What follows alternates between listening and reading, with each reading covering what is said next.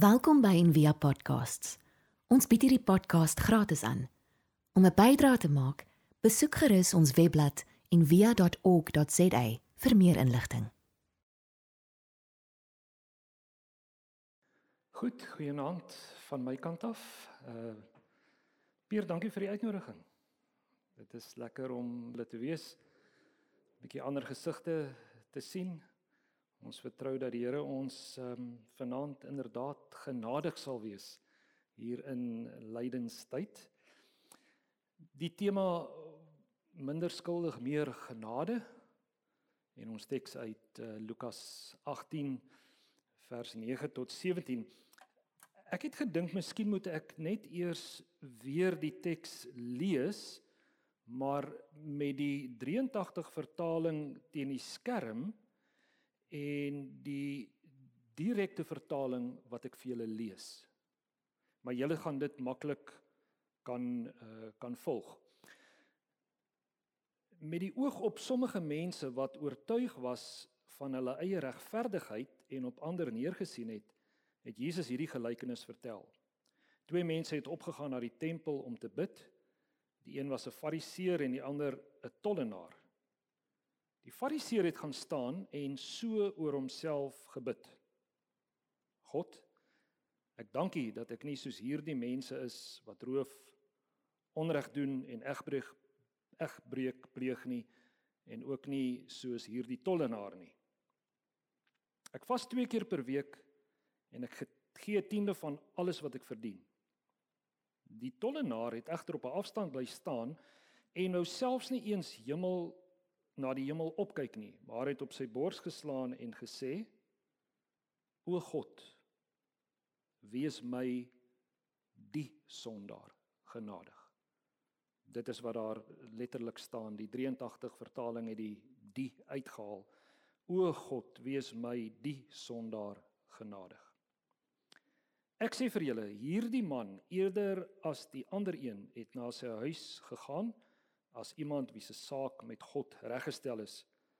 Want elkeen wat homself verhoog, sal verneder word, maar elkeen wat homself verneder, sal verhoog word. Ek gaan net tot sover die uh die teks dan nou vir ons uh lees. Toe ek nou die tema um, onder oë gekry het, mense weet mos nou nie die ou wat die gids opstel presies wat sy bedoeling met die tema is nie, maar ek het sommer by myself gedink minder skuldig, meer genade of dit nie meer korrek sou gewees het om te sê meer skuldig, minder genade nie. Want my gevoel is dat ons as gelowiges so dikwels meer na die eerkant toe oorhel, né? Voel amper half die hele tyd skuldig, wonder of die Here ons sal vergewe die goed wat in ons lewe uh, ons aangevang het.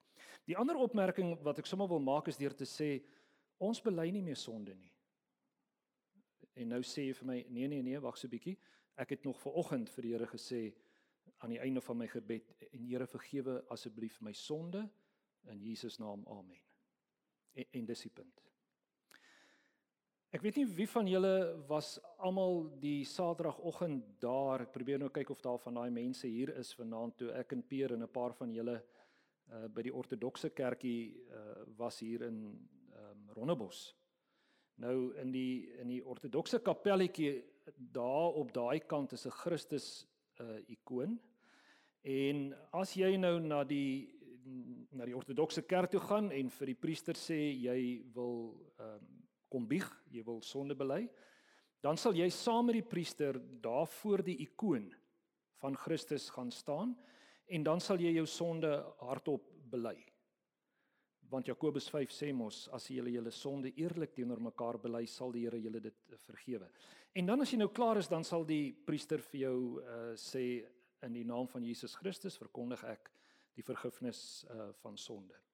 Nou een Saterdagoggend toe ek by hierdie liturgie is, toe sê François, een van die gemeentelede, terwyl ons nou daar rond staan voordat die diens begin, toe sê hy vir Vader Sagarias, maar hy wil graag vanoggend uh bieg. Hy wil sonde bely. Tog ek wel, jy moes dalk mos nou vroeër gekom het. Die liturgie gaan nou uh begin of gaan jy die Vader na die tyd uh sien? Maar in daai moment terwyl ons nou na ons plekke toe gaan, sê Vader Sagarias uh, kom vorentoe en hulle gaan staan by die ikoon. En hy sê vir ons wat daar is, ons moet begin sing ehm uh, Kyrie eleison. En François begin hardop sy sonde te bely. Ons kon nie hoor wat hy sê nie. Want ons was besig om die lied te sing, maar in daai oomblik besef ek net hier is 'n persoon wat sy gebrokenheid met sy community deel.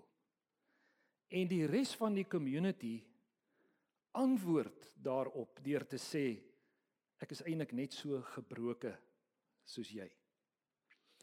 Ek is in Tessalonika in 'n uh, Grieks-ortodokse uh, kerkie. Verstaan niks wat daar aangaan nie, alles is in Grieks, maar dis hier teen die einde van die van die diens en die priester is besig om met 'n 'n meisie daar voor die ikonostase te praat, maar hy praat hard met haar. En sy praat met die priester, maar ek ek meen ek weet nie wat hulle sê nie. En op 'n gegeewe punt sit die priester sy hand op haar en hy bid vir haar hard. Nou goed, die Grieke het obviously verstaan wat hy gebid het, ek het nou nie. En toe hy nou klaar is en alles omtrent verby is, toe stap daar 'n boemelaar in. En hy kom na die priester toe en hy begin met die priester praat en die priester gaan staan teen sy oor en hy praat met hom onhoorbaar. Niemand kan hoor nie. En toe sit die priester later sy hand op hom en hy bid vir hom saggies dat niemand kan hoor nie. En ek dink is dit nie ongelooflike respek en menswaardigheid nie. Die vrou was deel van die community. Die community het haar geken. Dit kon maar publiek wees wat sy vir die priester kom vra het en wat die priester vir haar gebid het, maar hierdie man is nie deel van die community nie. Hy ken nie die mense nie en hulle ken hom nie en daarom met liefde en deernis en respek.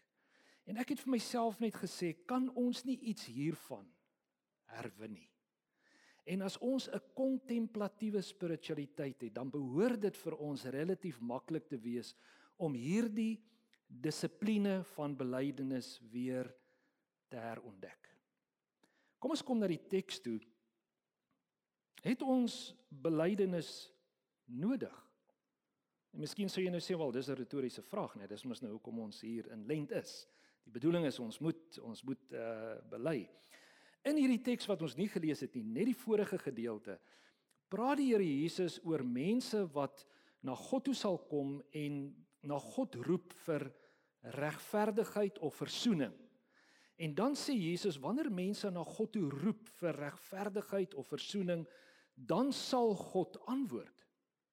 Dan kom hy nou in hierdie gedeelte en dan tel hy weer die tema op, dan sê hy met die oog op mense wat dink hulle saak met God is reg.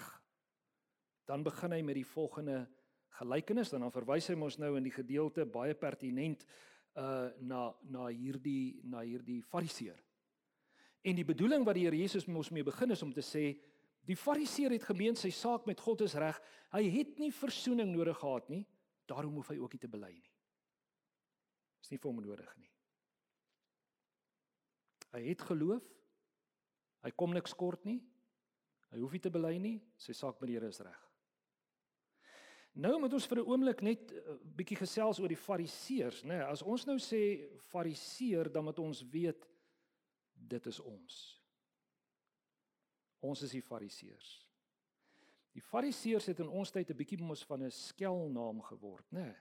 Maar in hierdie konteks was dit die goeie kerkmense van die dag. Dis die manne wat gereeld in die tempel was. Dis die ouens wat dit ernstig bedoel het uh met die Here.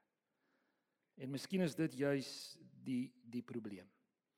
Hierdie ouens het gemeen hulle is so ernstig met die Here dat hulle eintlik niks anders meer nodig het nie. Nou hierdie stroom, hierdie fariseer stroom kom net na die ballingskap, so 500 jaar voor Christus, toe die ouens uit ballingskap uit teruggekom het was Esra en Nehemia aan die voorpunt van hierdie beweging om te sê luister, julle moet nou alles in julle vermoë doen om nie weer vir God kwaad te maak nie.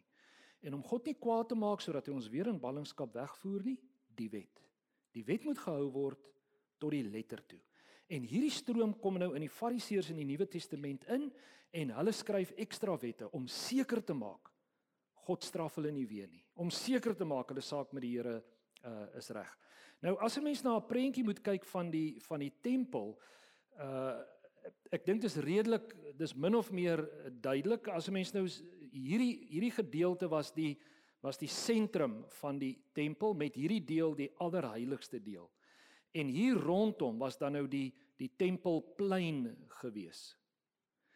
En as jy nou mooi kyk, dan as jy nou hier ingegaan het in hierdie eerste deel, dis waar die vrouens toegelaat was. Vrouens mag nie verder as dit gaan nie. Dan as jy daar deur gegaan het, was daar 'n area wat bekend gestaan het as the court of the Israelites. Dis waar die Joodse manne bymekaar mag gekom het. Joodse manne wat rein was, wat hierdie week alles gedoen het om seker te maak hulle is rein. Dan hier rondom sou jy die priesters gekry het met die altaar net hier agter en die priesters was nou in daardie bykans allerheiligste deel die die hoofpriester was mos net een keer per jaar toegelaat en in daardie uh gedeelte dis waar jy die fariseërs sou kry. In hierdie deel naby die allerheiligste deel waar God dan nou simbolies veronderstel was om te wees as ek 'n ander prentjie kan oopmaak. Uh miskien die belangrike is hier is hierdie groot tempelplein. En daar's die altaar. En dan die die priesters rondom die altaar en die fariseërs wat ook hier rond uh gestaan het en die tollenaar heel moontlik hier eers op die plein. Dis ook waar Jesus die geldwisselaars um uit uitgedryf het. So die fariseer reken homself dat hy is letterlik naby God. Hy het niks van God nodig nie. Um sy geloof kom eintlik maar tot uitdrukking in sy gebed. En daardie geloof is 'n selfgerigte, fyn uitgewerkte stelsel en hy's eintlik besig met een van die modelgebede wat die ouens, die fariseërs gebid het om te sê dankie Here ek is nie 'n vrou nie, dankie ek is nie 'n tollenaar nie, dankie nie ek is nie 'n dit nie, ek is nie 'n dat nie. En die bedoeling met daardie stuk selfgerigtheid uh, was was regtig om vir die Here te sê dankie dat ek deel was van die uitverkore groep. Dankie dat ek nie verlore is soos die res uh van hierdie ouens nie. Nou moet ons vir 'n oomblik net hier verpoos en as ek dan nou uh moetswillig kan wees en sê maar ons is die fariseërs dan lyk dit vir my is daar by ons ook hierdie fyn uh geloofsverstaan om te sê maar ek is mos 'n gelowige. Jesus Christus is my Here en my God. Ek bely dit mos. Ek het mos nou nie nodig om om om weer sonde uh, te bely nie. Ek ek is mos vergewe. En dit is op daardie fyn punt wat ons nou na die na die tollenaar toe moet beweeg en mooi na Jesus se woorde moet gaan luister wanneer die tollenaar daar instap. Die tenderpreneur van sy tyd. Die ehm uh, staatsdiensamptenaar van sy tyd wat nie jou vorms prosesseer as jy nie koevert onder deur die tafel vir hom aangee nie. Die belastinggaarder van daardie tyd wat nie net sy eie kommissie somme upfront gevat het nie, maar nog 'n paar ekstra rand ook uh, uit jou uitgedwing het. En hierdie uh, Jode wat in hierdie Romeinse administrasiesisteem opgevang was was uiteraard onrein geweest volgens die Fariseërs Hulle het met onrein geld gewerk, hulle het met onrein mense gewerk, hulle het met die met die afgodsdienaars geheel. Hulle was verag geweest deur almal. Nie net deur die kerkmense van die dag nie, nie net deur die fariseërs nie, deur almal. Eindelik 'n bietjie uh, 'n uh, gehate klompie mense. En nou sê die Here Jesus toe hy roep, toe word hy gehoor. En dis vir my uh, so mooi as 'n mens vir 'n oomblik net fyn kyk wat doen hierdie tollenaar. Die teks sê vir ons hy het op sy bors geslaan en dit weet ons uit Lukas uit is 'n teken van rou, 'n teken van droefheid, 'n teken van skulderkenning, dis 'n teken van trane. En nou sê ehm um, een van die ou nie so oud nie Matteus van die armes Matthews Matthew of the poor sê in 'n boek wat hy uh, geskryf het oor trane dan sê hy tears is the totality of sentiments dissolved in a drop it is a tongue that speaks all languages it is the language of a soul suffused with the most sincere feelings it's the expiation of sins the sign of regret the covenant of redemption. It is the washing of the heart, the purifying of the members, the healing of sick souls. It is the language of the Spirit, the prayer of the silent, the disdain of the world, the longing for heaven. It is a waiting for death. Die woestynvaders het gesê trane is 'n gawe van die Gees waardeur ons skoon gewas word wanneer ek voor God kom staan en trane stort oor die goed wat in my lewe skeiding maak tussen hom en my. En nou sal die vraag wees vanaand vir ons almal as ons praat van skuldbelydenis om die genade nuut te smaak, dan is die diep gang van skuldbelydenis vir my hierdie saak, die tollenaar wat trane stort omdat hy weet hoe ver hy van God af is. En dis die ander mooi ding vir my. Hy kyk nie eers na die heiligdom toe nie, waar God veronderstel is om te wees volgens die denkrigting. Hy kyk nie eers hemel toe nie, die ander plek waar God veronderstel is om te wees. Hy kyk af en hy slaan op die bors. En nou wonder ek by myself, trek ek hierdie teks te ver as ek interpreteer dat hierdie tollenaar iets begryp het van waar God reeds is. Want sy woorde laat my dink aan Jesus se woorde aan die kruis toe Jesus geroep het: O God, my God, waarom het U my verlaat? En ons interpreteer daardie teks dat God is weg. Maar die die die mistieke uh teenstrydigheid is waar is die Vader wanneer die seun na hom roep? Die Vader kan ons nie vir 'n oomblik die seun verlaat nie. En nou is my vraag hier, waar is God wanneer hierdie tollenaar roep: "O God, wees my die sondaar genadig" en hy slaan nie op die bors. Beleef hy nie instinktief die nabyheid van die Vader nie? Dat die Here daar is, dat die Here hom daar in daardie oomblik ontmoet. En dan sê die Here hy gaan weg as iemand wat genadige regverdigheid in die oë van die Here ontvang het. In die tweede gedeelte wat hierna volg, is dit amper asof Jesus 'n object lesson met die mense rondom het. Want dan kom die kindertjies en as hy die kindertjies wil wegwys, dan sê hy moenie die kinders wegwys nie. Want as julle nie soos kindertjies word nie, dan sal julle die koninkryk van sien nie. En dit lyk vir my dat die Here Jesus daar demonstreer wat met die Fariseer nie gebeur het nie, maar wel met die tollenaar en dit is dat hy absoluut sy afhanklikheid van God in daardie moment bely het om te weet dis al waarop hy nou kan reken is hierdie nabyheid, hierdie intimiteit van God. En dit is waaroor belydenis gaan. Nie om um, gered te word in die eerste plek nie. Miskien miskien dit ook. Maar vir ons wat die Here ken is die punt van die belydenis dat ek geloof op 'n nuwe manier sal herontdek en uh Karen Armstrong maak hierdie interessante opmerking as hy sê the reformation had introduced an entirely new emphasis on belief die Griekse woordjie pistis had been practically expressed commitment or loyalty now it would increasingly increasingly come to mean an intellectual acceptance of doctrinal opinions. Karen uh, Armstrong sê dat geloof beteken nie 'n fyn uitgewerkte stelsel van presies wat jy glo nie, maar die diepgang van die woord geloof beteken dat ek myself oorgee. Ek vertrou myself toe aan God. En wat die fariseer gedoen het is om te sê ek vertrou myself in my stelsel en wat die tollenaar gedoen het is om te sê ek vertrou volledig op hierdie God. Ek besef ek kan nie ek kan nie sonder hom nie.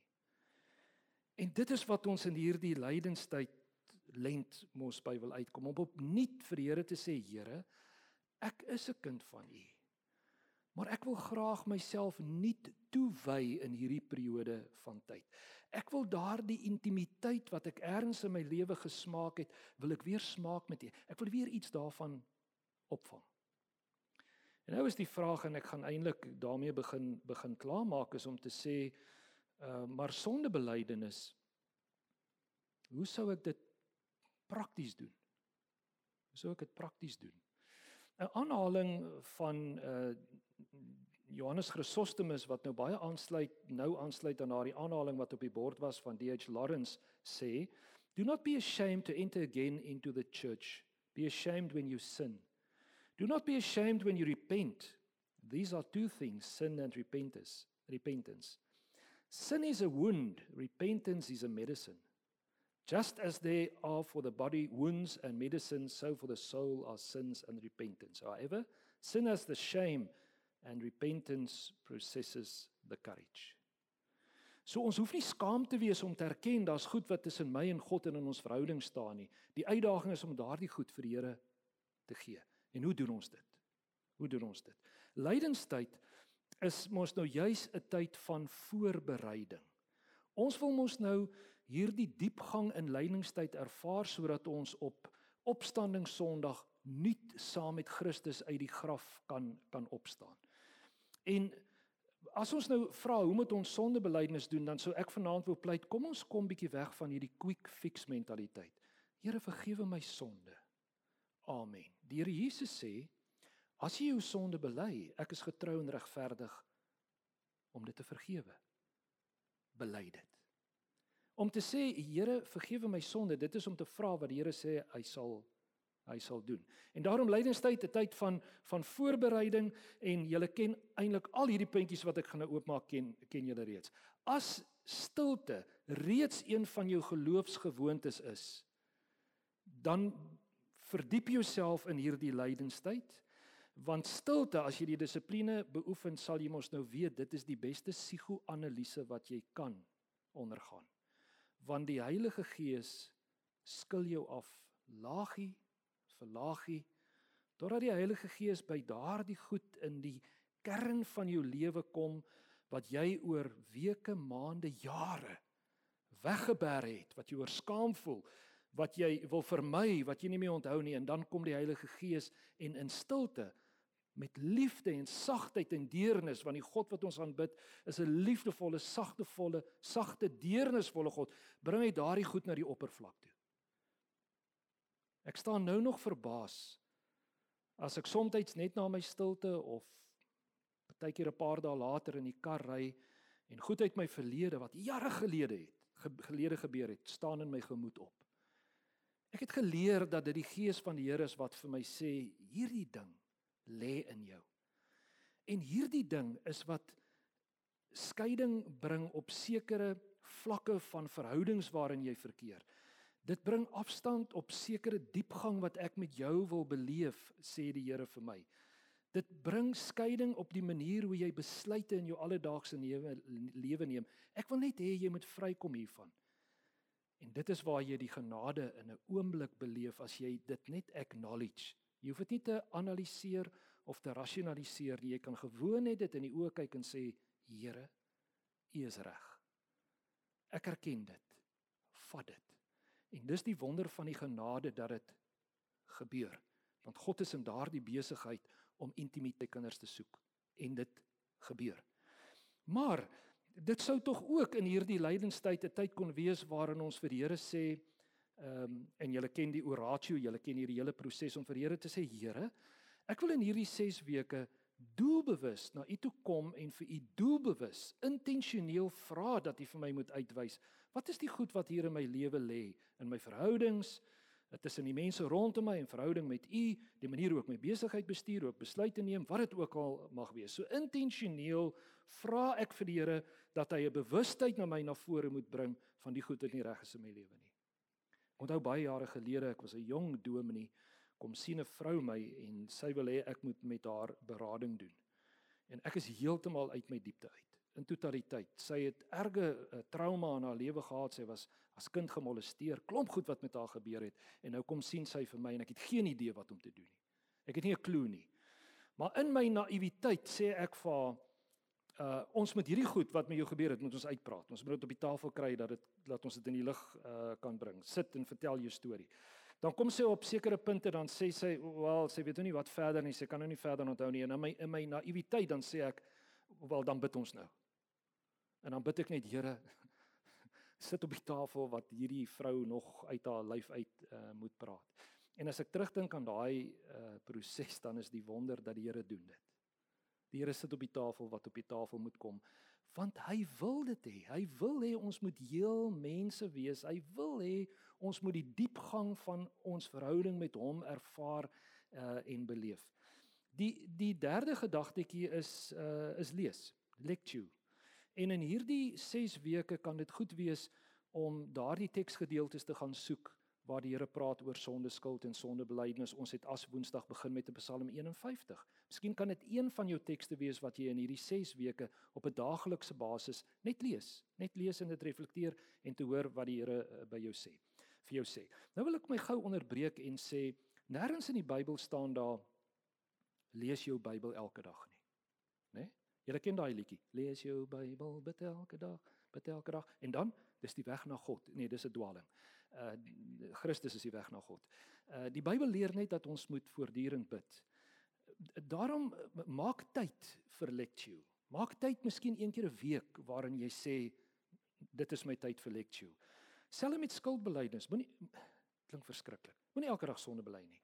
Ehm um, maak tyd daarvoor. Sê vir jouself einde van die week of oor 'n paar dae of gaan deur die proses en en wees, wees geduldig. Daar's nie 'n ding soos quick fix in hierdie kontemplatiewe spiritualiteit nie. Dis 'n lewensreis. Uh, so lees gewoon net tekste uh, wat wat wat handel oor oor skuldbeleidnis en dan refleksie. En miskien is journaling journaling 'n goeie idee om hier te gaan sit en te sê, maar wat het ek nou in hierdie periode van tyd by die by die Here gehoor? Wat hoor ek dalk op 'n daaglikse of 'n weeklikse basis of op 'n maandelikse basis by die Here? Sodat ek regtig ook hierdie gees van onderskeiding by kan uitkom sodat wanneer ek op die punt kom waar ek vir Here sê Here U het hierdie saak in my lewe op die tafel gesit. Ek wil nou daarmee deel vir eens en vir altyd en is dalk op hierdie punt waar dit goed is om met iemand te gaan praat want as daar goed in jou verlede lê wat diep gebeure is dan is dit dalk nodig dat jy by 'n geestelike begeleier uitkom by iemand wat jy vertrou wat wat jy net mee by kan gaan sit en en en saam met iemand oor hierdie goed kan bid. Nou dis vir my ehm um, so mooi as Vader Sagarias sê wanneer mense na hom toe kom om sonde te bely. Hy sê hy het in al die jare wat hy 'n priester is nog nooit nuwe sondes gehoor nie. Sondes is almal bly dieselfde. Hy sê maar elke keer as 'n mens daar gekom het en gesê het dis die goed wat ek op die tafel moet sit. Dis die goed wat wat intimiteit tussen my en die Vader verhinder. Die oomblik wanneer daai persoon dit sê en die oomblik wanneer hy sê maar ek spreek jou vry in daai oomblik sê hy beleef hy God se genade elke keer nuut vir daardie mens. En dis wat ons wil beleef in hierdie in hierdie uh, tyd van lent. En dis nie magic nie. Dis gewoon net om ons geloofsdissiplines op te tel en ruimte, spasie oop te maak dat die Here in ons lewens kan doen wat hy kan doen. En dan die laaste een is uit die aard van die saak dan om te kom by 'n punt om te sê Here, nou is ek gereed uh om om om skuld uh te bely. En daarom wil ek julle uh, challenge, uitdaag in hierdie in hierdie lydenstyd. Maak dit ook 'n periode van uh van minder skuldig en en en meer genade want die Here wil vir jou in hierdie tyd laat ervaar hoe hy sê kom vir jou vashou vir jou intiem teen my vasdruk wil die beste vir jou hê in hierdie verhouding waarin ons verkeer en dis die genade wat die Here vir ons gee. Amen. Kan ek vir ons bid? Ek bid vir ons. Here, Dankie dat dit eintlik nie rocket science is nie dat dit gewoon net uit u hart uit kom en dat u vir ons sê maar dit is dit is my begeerte. Werp julle self maar net op my. Plaas julle vertroue in my. En dis wat ons nou wil doen Here in hierdie lydenstyd. Ons wil na u toe Here ons begeer om hierdie verhouding met u weer nuut op te tel. En dankie dat ons dit mag doen en dat ons dit kan doen. Dankie Here dat ons met ons trane na U toe kan kom en kan weet U sien ook ons trane, U gee dit sodat ons van binne skoon gewas kan word. Ek wil vanaand in besonder hierdie geloofsgemeenskap aan U opdra vir Peer, vir Envia, vir hulle raad. En ek wil vir U vra Here dat hierdie lydenstyd vir hulle regtig 'n geseënde tyd sal wees sodat wanneer die Paasgebeure aanbreek, hierdie gemeenskap opstanding Sondag sal kan sê ons staan nie op vir die uitdagings wat voor ons lê, vir die pad wat U nuut ook dalk met hierdie gemeenskap wil loop. Here ek dra hulle aan U op. Ek bid dat U hulle sal seën, dat U hulle sal vashou en dankie vir Envia. In Jesus naam. Amen. Ons hoop van harte jy het hierdie podcast geniet of raadsaam gevind. Besoek gerus en via.ok.za vir meer inligting.